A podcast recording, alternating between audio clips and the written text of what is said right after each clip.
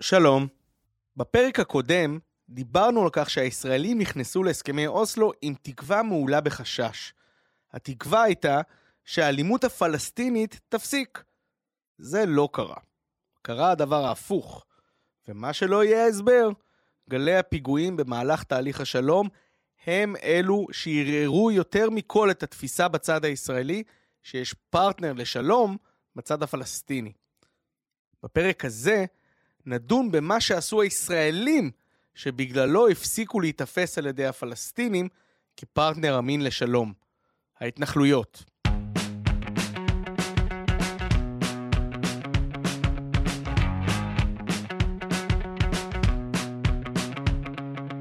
ברוכים הבאים להסכת אוסלו, הפודקאסט שעושה טיפול זוגי לתהליך השלום. לי קוראים ארנון דגני, ואני עמית מחקר במולד, שחתום על הפודקאסט הזה. בפרק היום, הרים וגבעות, התהליך בצל ההתנחלויות.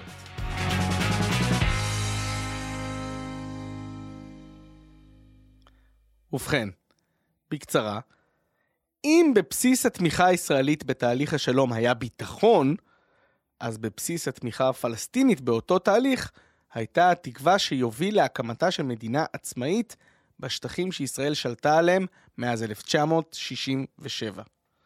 וההיגיון הפשוט אומר שאם התהליך אמור היה להוביל לנסיגה ישראלית מהשטחים, אז בנייה ישראלית בשטחים אלו צריכה לכל הפחות להפסיק.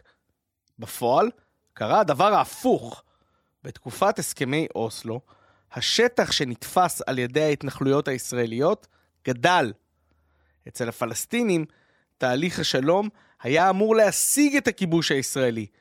ואומנם, בערים קמה הרשות הפלסטינית, אבל ברגע שיצאו הפלסטינים מהערים, אי אפשר היה לפספס את תנופת הבנייה בהתנחלויות, את המאחזים ואת צלילת הכבישים. כל אלו מרסקות את האמונה אצל הפלסטינים שהתהליך יגיע לסופו הרצוי מבחינתם.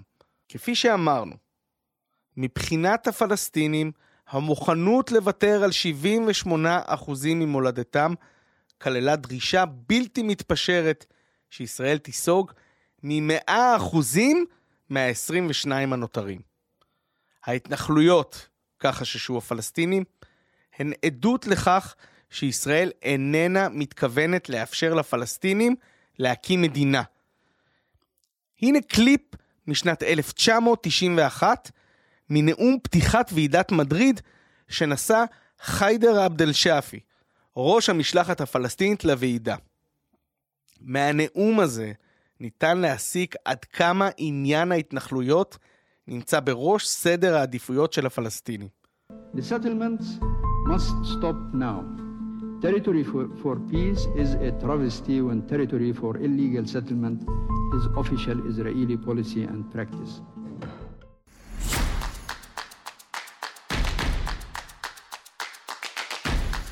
עוד בתחילת התהליך, הפלסטינים הבהירו מפורשות שלא יוכלו לחתום על הסכם קבע עם ישראל ללא נסיגה ישראלית מכל השטחים, כולל השטחים שבהם היו התנחלויות. בתחילת שיחות אוסלו, ביקשו הפלסטינים את הקפאת הבנייה בהתנחלויות, כמחווה של רצון טוב. רבין סירב בתוקף. ומה עשו הפלסטינים בתגובה לסירוב הזה? נו, מה הם יכלו לעשות? בזיכרונותיה כותבת דוקטור חנן אשראוי, מדינאית פלסטינית שהשתתפה במשלחת למדריד, שכשהגיעה בספטמבר 93 להשתתף בטקס החתימה החגיגי על הסכמי אוסלו בבית הלבן, נדהמה לגלות שהמשלחת הפלסטינית לא הצליחה להשיג התחייבות ישראלית לגבי ההתנחלויות. שלא הייתה שום ערבות שישראל תימנע מלקבוע עובדות בשטח. אשראוי, שחיה ברמאללה, פנתה לראש צוות המשא ומתן הפלסטיני, איש בשם אבו מאזן, שגר עד אז בתוניס, ואמרה לו שהוא לא יודע מה זה לחיות תחת הכיבוש הישראלי, ושהישראלים יעשו הכל בשביל להתיישב בשטח. אבו מאזן ענה לה, תבקשי מהם את שיקפיאו את ההתנחלויות. בכל זאת, הפלסטינים הצליחו להכניס לאוסלו ב' סעיף שמבחינתם ישראל הפרה שוב ושוב. סעיף 31 לוחסן 7 מהסכמי אוסלו ב' מאוקטובר 95 אומר, אף לא אחד מהצדדים ייזום או יעשה כל צעד לשינוי מעמד הגדה המערבית ורצועת עזה לפני השלמת המשא ומתן על מעמד הקבע. ההיגיון אומר שאם ישראל בונה יישובים בשטחים, זה משנה את מעמד השטחים, לא? תלוי את מי שואלים. אם אתם שואלים את ממשלות ישראל בתקופת אוסלו, מזרח ירושלים, שסופחה לישראל, איננה בכלל חלק מהגדה המערבית, ולישראל מותר לבנות בה, בעיר הבירה שלה, כאוות נפשה. בשאר השטחים, ממשלות ישראל אמנם לא הקימו התנחלויות חדשות, אך הן פירשו את הסעיף הזה כאילו הוא מתיר לישראל בנייה בתוך ההתנחלויות הקיימות, בהתחשב בריבוי טבעי, והם בנו מעל 23 אלף התחלות בנייה בתקופה שבין 93 ל-2000.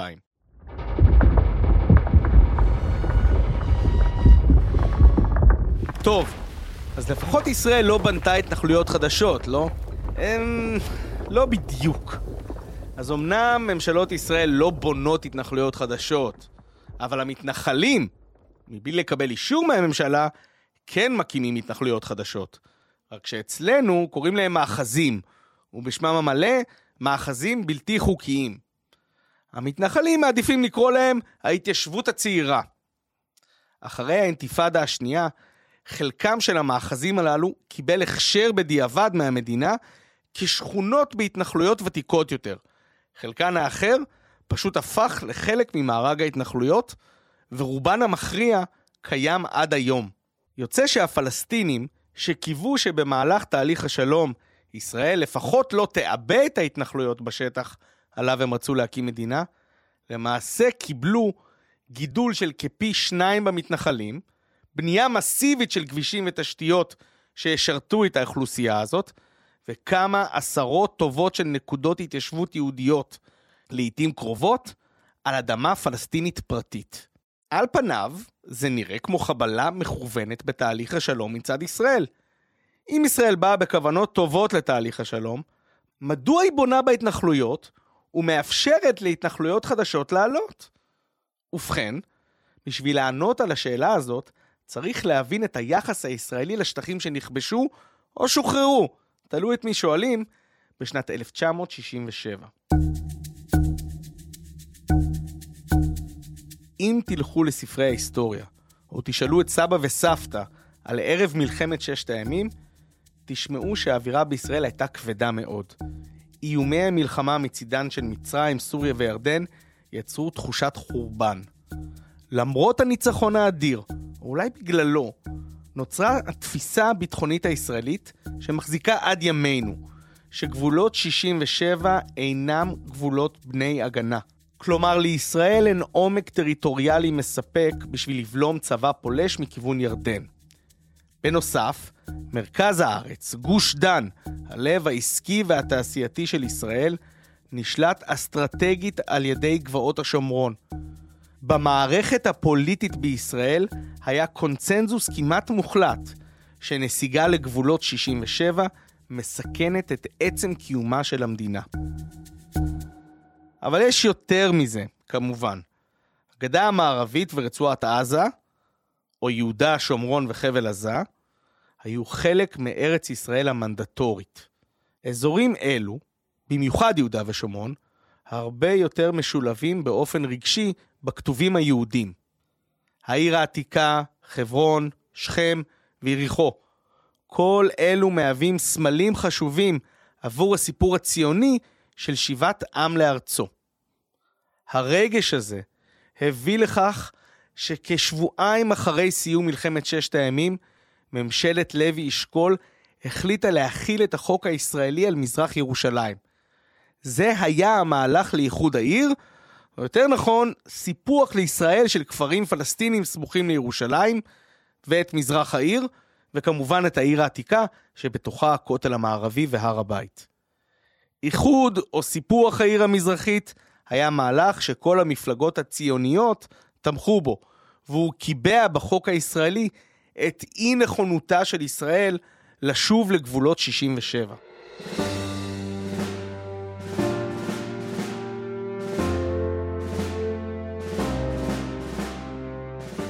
ניתן להסיק מה הייתה האווירה הציבורית אחרי מלחמת ששת הימים, ואת היחס של החברה הישראלית לשטחי יהודה, שומרון ועזה, מכך שכחודש אחרי המלחמה הוקמה תנועה חוצת מחנות, ששמה אומר הכל עליה, התנועה למען ארץ ישראל השלמה. במודעה המייסדת שלה, מספטמבר 67, נכתב בין היתר ארץ ישראל השלמה היא עתה בידי העם היהודי, וכשם שאין לנו רשות לוותר על מדינת ישראל, כך מצווים אנו לקיים מה שקיבלנו מידיה, את ארץ ישראל. יתרה מזאת, שום ממשלה בישראל אינה זכאית לוותר על שלמות זו. על המודעה הזאת היו חתומים שמותיהם של ענקים בחברה ובתרבות הישראלית. אמנים, אנשי רוח, אקדמיה, צבא ופוליטיקה, מכל הקשת הפוליטית. אלתרמן, עגנון, אהרון אמיר, חיים גורי, אורי צבי גרינברג ויצחק טבנקין ועוד רבים וטובים. האחיזה וההתיישבות בשטחים הייתה בקונצנזוס הלאומי. אגב, במודעה גם היה כתוב שכל תושבי הארץ השלמה הזאת היו אמורים לחיות בשוויון זכויות מוחלט. את זה נוהגים להשמיט.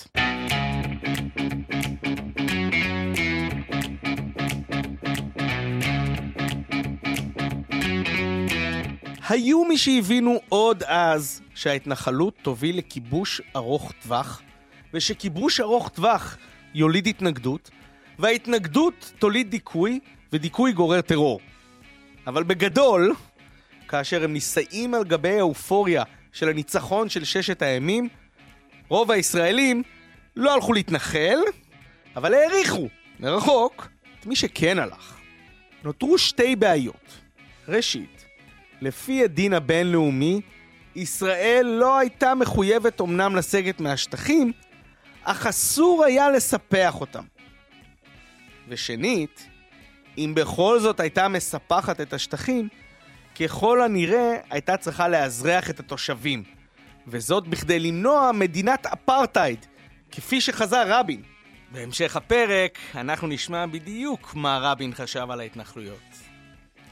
אז למרות שאין סיפוח, כל עוד ישראל שולטת על השטחים ותושביהם, היא מחויבת לנהל את חייהם. מי שהופקד על אותו ניהול הוא צה"ל. ולמעט מזרח ירושלים והגולן, ישראל אכן עושה זאת, לא מספחת ולא נסוגה. אבל החוק הבינלאומי גם מגביל את מה שמדינה יכולה לעשות בשטח הכבוש.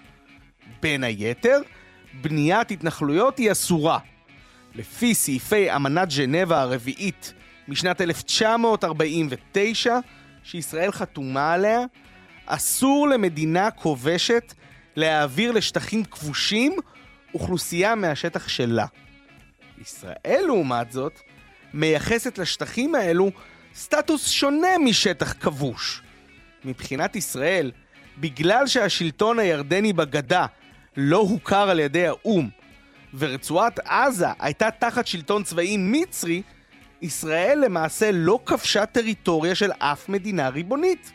מכאן שהשטחים אינם שטח כבוש מבחינת הדין הבינלאומי, ועל כן ישראל יכולה ליישב בהם את אזרחיה. וישראל אכן בונה, והעולם אמנם מוחה, אבל חי עם זה. בעשור הראשון לאחר מלחמת ששת הימים, עיקר ההתנחלויות קמות לפי מה שנקרא תוכנית אלון, על שם ההוגה שלה, יגאל אלון, מפקד הפלמ"ח האגדי ויושב ראש מפלגת אחדות העבודה. מיד אחרי כיבוש או שחרור השטחים ב-67, אלון האמין שישראל צריכה לספח את בקעת הירדן, את גוש עציון, שהיה מיושב ביהודים לפני מלחמת העצמאות, ורצועה שתפריד בין הרי יהודה והרי שומרון, כדי להפריד בין ריכוזי האוכלוסייה הערבית. תוכנית אלון מעולם לא התקבלה באופן רשמי על ידי ממשלות מפא"י, אך בתקופה הזו הן מקימות התנחלויות התואמות את החזון הזה. כמעט. קיללת ההתיישבות של התנועה למען ארץ ישראל השלמה, הצטרפו גם פעילים שלימים יובילו את מה שנקרא גוש אמונים. תנועת התנחלות שלפי שמה ניתן להסיק שהיא דתית יותר. וכשאנחנו מגיעים לשנות ה-90, ניתן לומר עליה שהיא מובילה את מפעל ההתנחלויות כולו.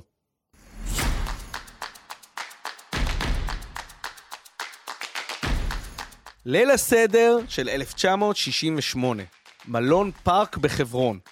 קבוצה של פעילים שיהוו את הגרעין המייסד של גוש אמונים, באה ללון ללילה אחד. הלילה הזה נמשך חודש, ולאחריו הם הסכימו להתפנות ולגור בתוך המבנה של המושל הצבאי של חברון.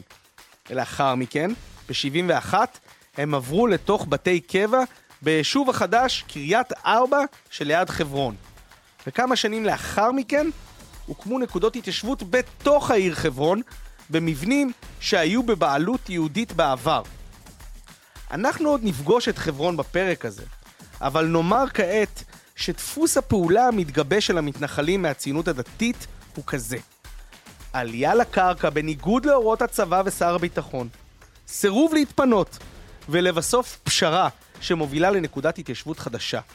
גם אם לא בדיוק במקום שהמתנחלים שאפו ליישב. גם אחרי המהפך הפוליטי בישראל ב-77, ועם עליית הליכוד לשלטון, לא תמיד הצליחו אנשי גוש אמונים להקים נקודות התיישבות היכן שרצו ומתי שרצו. לכן לעיתים קרובות פעלו בניגוד להוראות בתי המשפט, הממשלה והצבא. למתנחלים יחסים סבוכים עם המדינה. חלקים בציבור הישראלי, לא רק מצביעי ימין, רואה בהם כממשיכי דרכם של החלוצים הציונים שהקימו את המדינה. רוח ההתנגדות שלהם לחוקים שווקה וגם נתפסה בדומה לזאת של מקימי המושבות הראשונות, המעפילים ואנשי חומה ומגדל. היו להם גם תומכים שבשתיקה וגם תומכים קולניים וסייענים בפועל בקרב פוליטיקאים בימין ואפילו במפלגת העבודה. דוקטור גדי טאוב, בספרו המתנחלים, כתב שלמרות הניסיון לחקות את רוח החלוציות של תנועת העבודה, תנועת גוש אמונים לא הולידה מהדורה חדשה של הציונות, אלא מהדורה חדשה של הגלותיות. אותם מעשים ואותם גינונים שבארץ ישראל הטורקית והמנדטורית ביטאו את רוחו של היהודי החדש, ביטאו תחת שלטונה של ישראל את היפוכו, היהודי הישן, זה שמושג הריבונות הפוליטית עדיין זר לו. במובן מסוים, טוען טאוב, חוויית הבידוד והשוליות של הציונים הדתיים נשארה חוויה של מיעוט. למרות המעורבות בחיים הפוליטיים של ישראל, בחיי הצבא ובתרבות החילונית, הצורך לשמר אורח חיים דתי, יחד עם הרצון לבצר את האידיאולוגיה, יצרו נטייה להסתגרות. למתנחלי גוש אמונים ותומכיו הוקמו מסגרות חינוכיות וצבאיות נפרדות ואליטיסטיות, ושם נוצרו תפיסות משיחיות לגבי התפקיד של ההתנחלויות בהובלת המדינה.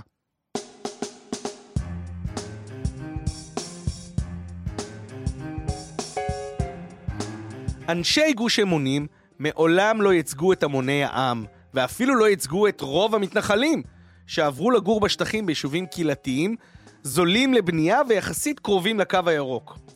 אך פוליטיקאים תמיד נזהרו בכבודם של המתנחלים האידיאולוגיים. למעשה, אם היה פוליטיקאי אחד שלא התלהב מהמתנחלים, זה היה רבין. בשנת 76, בתקופת כהונתו הראשונה כראש ממשלה, הוא אמר כמה דברים קשים בשיחות שלו לציטוט. בפרספקטיבה היסטורית, יחשוב אדם במה מדינת ישראל עסקה ב-1976, באיזה מקום מחורבן שאין לו שום משמעות, בוויכוח מיסי, שמיקדו סביבו את בעיית הקיום של מדינת ישראל. לא יאומן. לאחר מכן, כתב את הדברים מפורשות בספרו פנקס שירות, שיצא לאור ב-79. תבינו, רבין, בניגוד לתדמית שהשתרשה אחרי שנרצח, לא היה יונה ולא היה איש אקדמיה מנותק. הוא היה איש ביטחון קר ופרגמטי, והוא ראה באידיאולוגיה המשיחית של גוש אמונים שכופה שליטה על מיליוני פלסטינים ללא זכויות כבעיה למשטר הישראלי. הוא ראה שההתנחלויות עלולות להביא למצב של אפרטהייד. אז מה עשה רבין כשנבחר בשנית, כעשור וחצי אחרי? אחת מהבטחות הבחירות שלו ב-92 הייתה שינוי סדרי העדיפויות הלאומיים. הבטחה שקוימה במידה מסוימת כאשר החליט על הקפאת הבנייה ביוזמת הממשלה בשטחים, הקפאה שלא כללה את מזרח ירושלים וגם מקרים חריגים שאושרו על ידי ועדה ממשלתית. ובכל זאת, זה היה מהלך שהעלה את זעמם של המתנחלים שהפנו בתורם את כל המשאבים הארגוניים שעמדו לרשותם כנגד הממשלה והתהליך המדיני עם הפלסטינים. וכשיש פיגועים ברקע, המסרים האלו נוחתים על אוזניים קשובות. אבל גם רבין, שנרצח על ידי אדם המונע מהאידיאולוגיה של גוש אמונים, למרות תדמיתו האנטי-מתנחלית, לא רק שלא פינה התנחלות אחת, הוא אף שלל במילותיו שלו נסיגה לקווי 67. חודש לפני שנרצח, זוכרים? הוא גם המשיך את הקו הביטחוניסטי המסורתי של מפלגת העבודה, שבקעת הירדן על התנחלויותיה צריכה להישאר בשליטה ישראלית. פרויקט נוסף שהתחיל בתקופתו של רבין הוא מערך כבישים שיעקפו ערים וכפרים פלסטינים ויקלו על התנועה עבור המתנחלים. רבין גם הקפיד לתאם את מהלכיו עם מועצת יש"ע, ארגון הגג של היישובים בשטחים. הוא נפגש עמם והראה להם מפות. כל זה כידוע לא מנע מהמתנחלים לתאר את רבין כבוגד וכמי שהמדיניות שלו מעודדת את הטרור. ולאן זה הוביל, כולנו יודעים.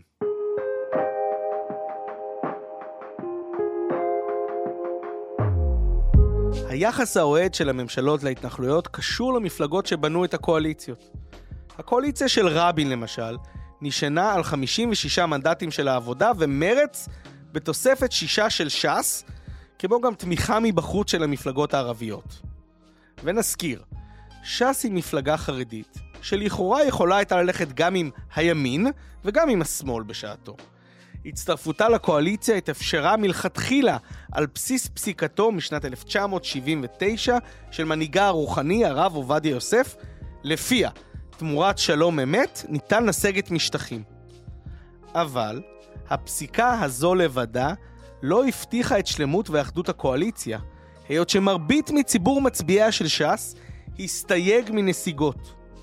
ש"ס נמנעה בהצבעה על הסכמי אוסלו א', וכחודש לאחר מכן היא כבר מחוץ לקואליציה ומצביעה בעד הצעה של הליכוד לתיקון חוק יסוד ירושלים בירת ישראל, שמקשה על ניהול משא ומתן על עתיד הבירה. בבחירות 96, אחרי רצח רבין, שמעון פרס דווקא ניסה לפייס את המתנחלים ואפילו חיזר אחריהם. הוא הגיע להסכם עם הרב יואל בן נון, מהמתונים באנשי גוש אמונים, ובו הבטיח פרס שבהסכם הקבע ההתנחלויות לא יפונו. רובן יישארו תחת ריבונות ישראלית, ירושלים תישאר מאוחדת, וכל הסכם קבע עם הפלסטינים יובא לאישור משאל עם.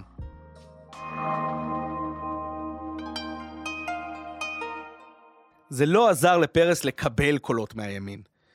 וכאשר נתניהו נבחר, נכנס לבית ראש הממשלה פוליטיקאי מאותו מחנה של המתנחלים. שנשמו לרווחה. יחד עם זאת, נתניהו לא זנח את הסכם אוסלו ולא שבר את הכלים מול האמריקאים והפלסטינים. כצפוי, נתניהו הקל על תהליך אישור הבנייה בשטחים והרחיב את תחומי השיפוט של ההתנחלויות. הוא אמנם פינה את חברון כפי שישראל הייתה מחויבת, אבל מיד אחר כך הכריז על בנייה בהר חומה בירושלים. הפלסטינים מגיבים בהקפאת המשא ומתן עם ישראל, אבל כמו שאמרנו בפרק 4, בלחץ אמריקאי, נתניהו וערפאת חותמים על הסכמי וואי שהעבירו 13% משטחי הגדה לידי הרשות הפלסטינית. המתנחלים לא עושים לנתניהו הנחות בגלל היותו מהימין ונתון ללחץ אמריקאי, וקוראים לוואי הסכם בגידה. גייסות המתנחלים יוצאים נגד נתניהו ומסייעים לנפילת ממשלתו.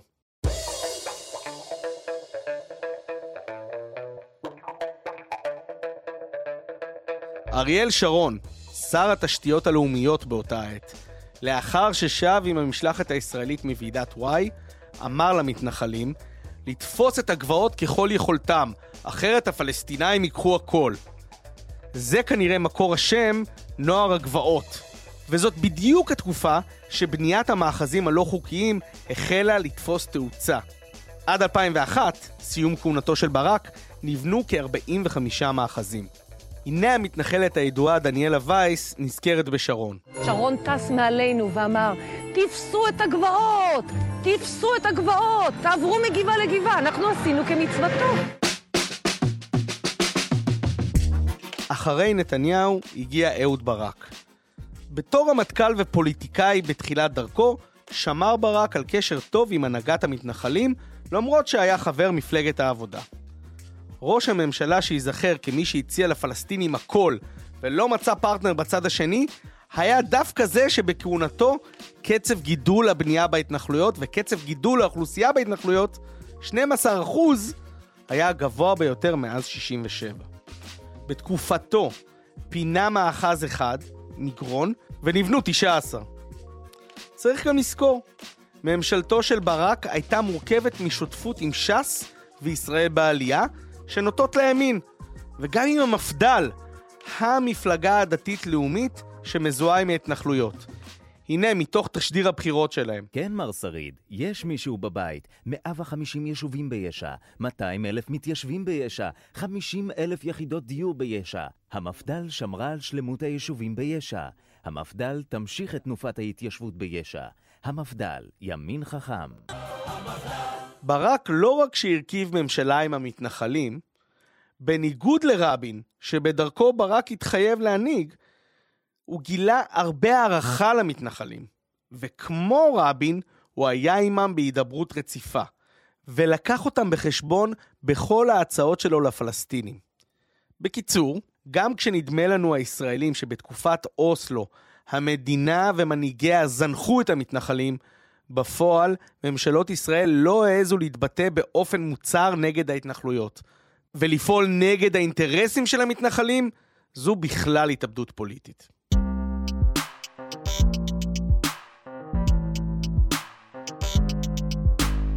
בפרק הקודם הראינו שמערכת היחסים של ערפאת עם חמאס נגזרה מהאהדה שהארגון זכה לה בקרב הפלסטינים. אבל זה שלערפאת היו אילוצים פוליטיים פנימיים לא עניין את הישראלים. אז תחשבו שנייה על הצד השני. תחשבו על הפלסטינים.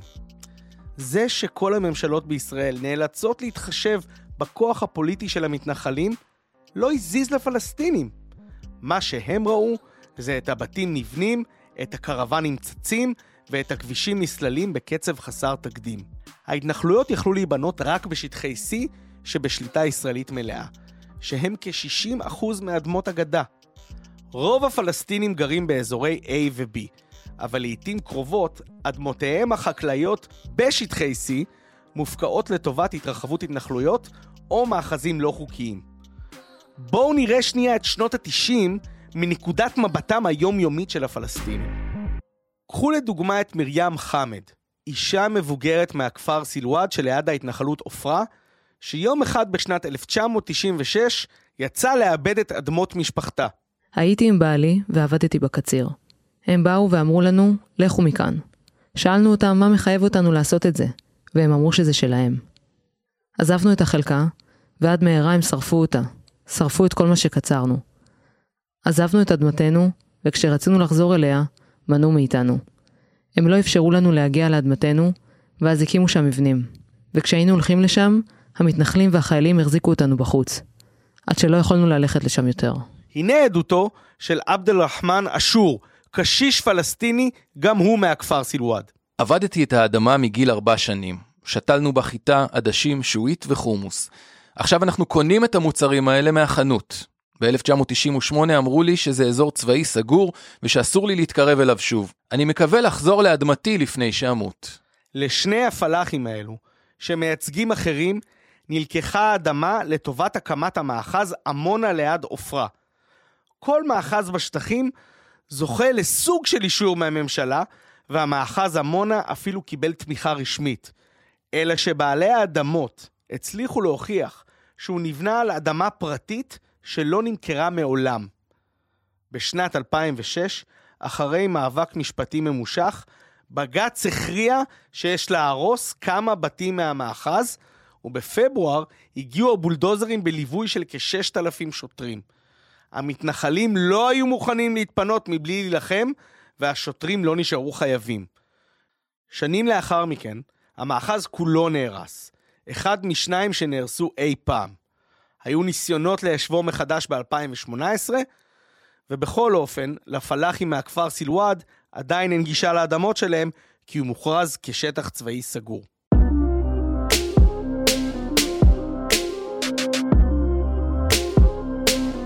כמו עמונה, ישנן עוד מאות מקרים שבהם הפקעות של אדמות פלסטיניות נעשו לטובת כבישים עוקפים, הרחבת שטחי שיפוט של התנחלויות, גדרות ביטחון ושב"ם, שטח ביטחון מיוחד, מסביב להתנחלויות, ששם לפלסטינים הכניסה אסורה. העוול שנגרם לתושבים הפלסטינים בעקבות ההתנחלויות והתשתיות האזרחיות והביטחוניות שהן דורשות, הוביל ללחץ על המערכת הפוליטית הפלסטינית. מרואן ברגותי, לפני שנעצר, נשפט והורשע בשנת 2002 ברצח חמישה ישראלים בפיגועים נגד אזרחים וחיילים ישראלים, נחשב היה לאחד מפעילי הביניים החשובים של הפת"ח, שהיו אחראים על תמיכה בתהליך השלום עם ישראל ברחוב הפלסטיני. במהלך שנות ה-90, ברגותי, שתמך בתהליך אוסלו, הזהיר שוב ושוב שהבנייה בהתנחלויות תוביל לפיצוץ. בינואר 95, ברגותי נשא נאום בהפגנה סמוך להתנחלות פסגות, במחאה על הפקעת אדמות לטובת התרחבות ההתנחלות. אלו ימי רבין, שהקפיא את הבנייה בהתנחלויות, כן? בנאום הזהיר ברגותי מהסלמה אלימה בשטחים, ואפילו אינתיפאדה, שכל תכליתה תהיה עצירת ההתנחלויות. ההפגנה פוזרה על ידי הצבא בכוח, ברגותי נעצר ושוחרר.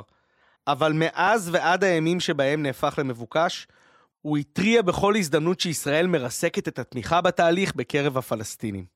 מרואן ברגותי קיצוני מדי בשבילכם? קבלו את יאסר עבד רבו, שהיה שר ההסברה הפלסטיני, שאחרי האינתיפאדה השנייה השתתף ביוזמת הסכם ז'נבה עם יוסי ביילין. בשנת 1994 הזהיר עבד רבו מפורשות שאם ישראל לא תחדול מלבנות בהתנחלויות, תהליך השלום יקרוס.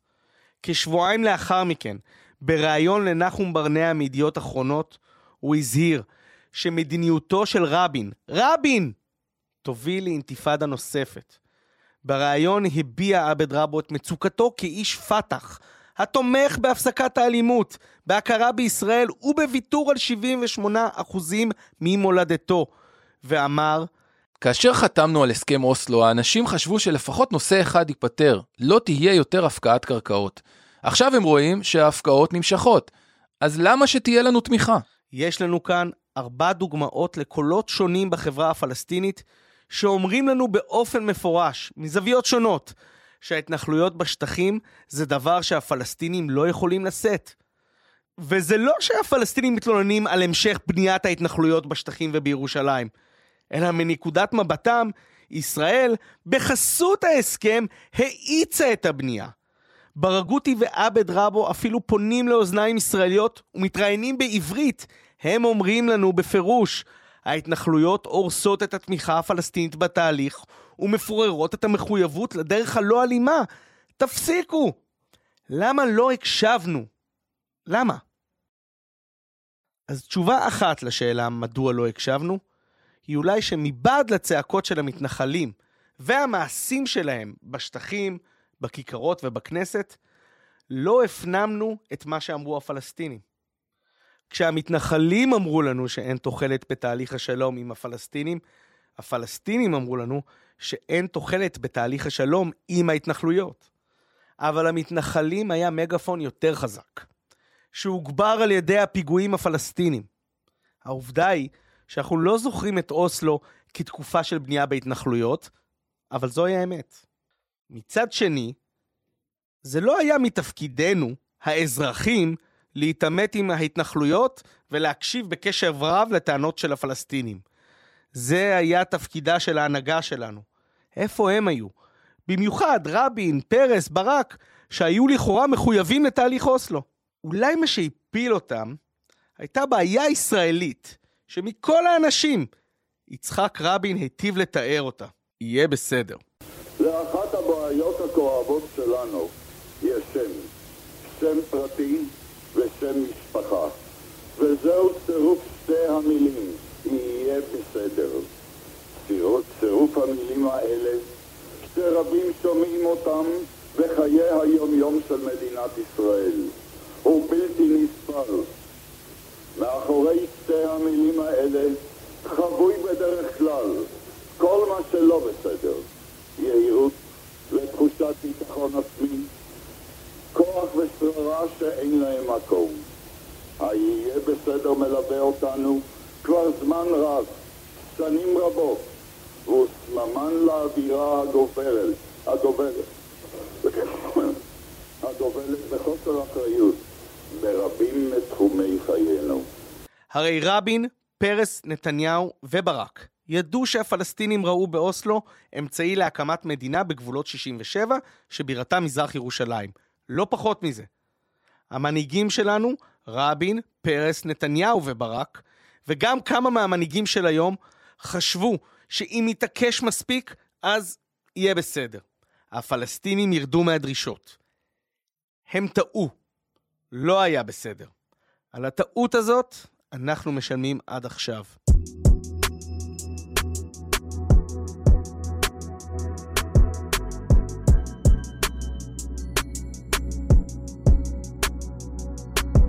אני רוצה להשלים פה חתיכה נוספת בפאזל, שאולי תסביר לנו מדוע הישראלים, גם ההנהגה וגם הבוחרים, לא הבינו את המצוקה של מחנה השלום הפלסטיני. צריך להבין כי בעיני הישראלים, שבסך הכל תמכו בתהליך, ציבור המתנחלים לא נתפס כחזק בשעתו, ואפילו להפך. אם מסתכלים על כותרות העיתונים, עולה תחושה שניתן יחסית בקלות, אם נצטרך, לפנות התנחלויות, או שהנה זה קורה. לנו הישראלים, ההתנחלויות נראו בנות חלוף, ולכן היה לנו קל להתעלם ולשכוח מהמציאות של התנחלויות מתרחבות ומחנה שלום פלסטיני מושפל.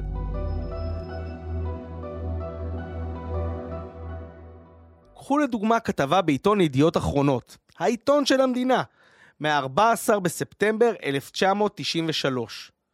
הגיליון שסיקר את טקס החתימה ההיסטורי בבית הלבן עם לחיצת היד המפורסמת בין רבין לערפאת. מוצב צה"לי אחד עוד לא פונה בשטחים, וכבר מתפרסמת בעיתון ידיעה על משפחת דדו, משפחה שפונתה מחבל ימית במסגרת הסכמי השלום עם מצרים, ועברה לגור בהתנחלות אלפי מנשה בשומרון. הבדיחה העצובה שרצה בקרב משפחתה החולונית של האם פאני דדון, הייתה שאם יפנו אותם, מוטב שלא יעברו לחולון, כי כל מקום שהמשפחה עוברת אליו, בסוף מפנים. דוגמה נוספת היא חברון. אחרי הטבח שביצע ברוך גולדשטיין בפברואר 1994 במערת המכפלה, שהביא להקפאת המשא ומתן עם הפלסטינים ולזעזוע עמוק בחברה הישראלית, ראש הממשלה רבין שקל ברצינות לפנות את היישוב היהודי בחברון.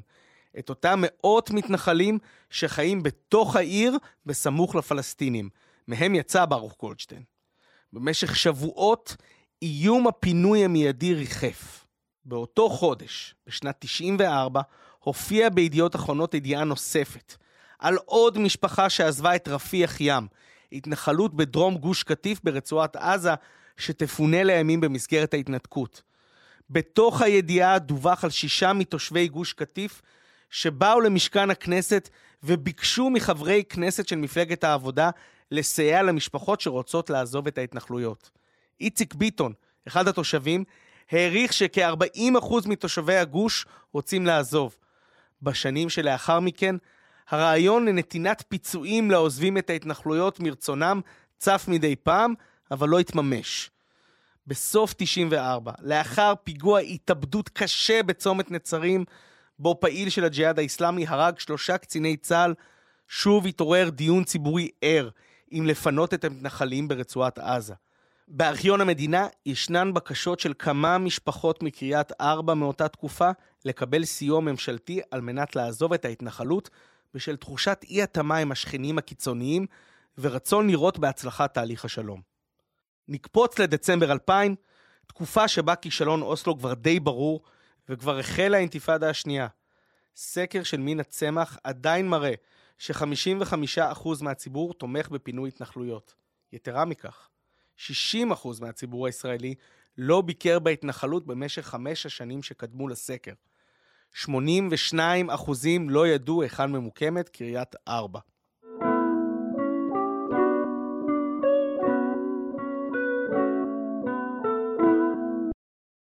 אז אם מתעמקים בתקופה הזאת של שנות אוסלו, אנחנו מגלים פרדוקס. מצד אחד, המתנחלים מאיימים במלחמת אזרחים וכמעט מביאים אותה על המדינה. הם מפרקים ממשלות, מציבים עובדות בשטח בניגוד לחוק, וגם מפעילים אלימות נגד פלסטינים. מצד שני, ממשלות ישראל מרחיבות התנחלויות, מתחייבות לא לפנות אותן, ונמנעות מלפנות מאחזים. ומצד שלישי, אזרחי ישראל חיים באווירה שההתנחלויות הן זמניות. בכדי ליישב את הפרדוקס הזה, ניתן לפנות לאהוד ברק, אבל לא לראש הממשלה ושר הביטחון של 99-2000, אלא לשר הביטחון בשנת 2010, תחת בנימין נתניהו. במסיבת עיתונאים בתום פגישה עם מזכ"ל האו"ם, בנוגע לעובדה שהבנייה בהתנחלויות היא מכשול לפתרון של שתי מדינות לשני עמים, ברק אמר, בחוסר הסובלנות המאפיינת אותו, ש... בתקופת ממשלת אולמרט, במהלכו של משא ומתן עמוק, הייתה בנייה כפולה מהיום, וזה לא היה מכשול. כשאני הייתי ראש ממשלה, היינו במשא ומתן עם ערפאת, והבנייה הייתה פי ארבעה מהבנייה היום. אחרי 43 שנים בשטחים, הבנייה לא מכסה אפילו 2% משטח הגדה. אנחנו מחויבים למפת הדרכים ולפתרון של שתי מדינות. המשא ומתן צריך להתחיל כמה שיותר מהר. מה שאומר ברק זה אולי מה שאמר לעצמו אז מחנה שתי המדינות. המתנחלים הם כאב ראש גדול, אבל הם לא מכשול בלתי עביר. הדרך להתמודדות עם הבעיה היא לא להתמודד איתה. להגיע להסכם עם הפלסטינים, וכאשר יש הסכם שלום ביד, אפשר יהיה לממש את הקונצנזוס הלאומי שההתנחלויות אינן שוות את היעדר השלום. לפגוע במתנחלים לפני שיש הסכם, או חמור מזה, תוך כדי אלימות פלסטינית, ייתפס בציבור ככניעה ללחץ הפלסטיני, כתבוסה לאומית. ישנו היגיון בגישה הזאת של הסכם עכשיו, פינוי אחר כך. הבעיה היא שההיגיון הזה לא עניין את הפלסטינים, שראו שבחסות הסכמי אוסלו, המדינה העתידית שלהם הולכת ומצטמקת, עוד לפני שהיא קמה.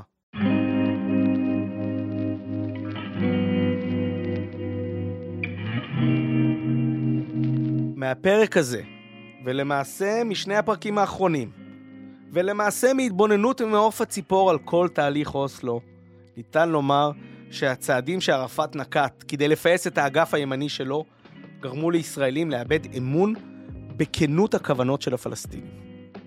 הצעדים שישראל נקטה כדי לפייס את האגף הימני שלה, גרמו לפלסטינים לאבד אמון בכנות הכוונות שלה. כששני התהליכים האלו קורים במקביל, תהליך השלום מתנהל בתוך תנועת מלקחיים של חוסר אמון הולך וגובר.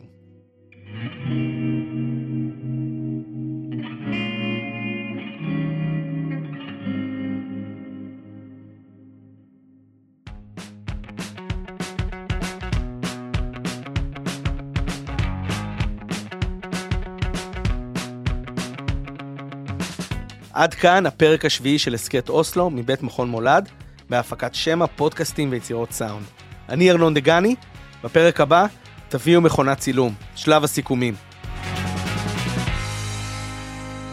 אהלן, אני עידו דמבין, מנכ"ל מכון מולד. אם נהניתם ונהניתן מהסכת אוסלו, אני מזמין אתכם לבקר באתר מולד ב-www.מולד.org או לחפש אותנו בפייסבוק ובטוויטר ולגלות עוד תכנים שעוסקים במציאות החיים שלנו כאן. תכנים כמו הסכת אוסלו או מחקרים וניירות עמדה אחרים דורשים השקעה משמעותית של זמן ומשאבים. אם תרצו לתמוך בעבודה הזו, אנחנו מאוד נשמח. גם את זה אפשר לעשות דרך האתר כמובן, ותודה על ההאזנה.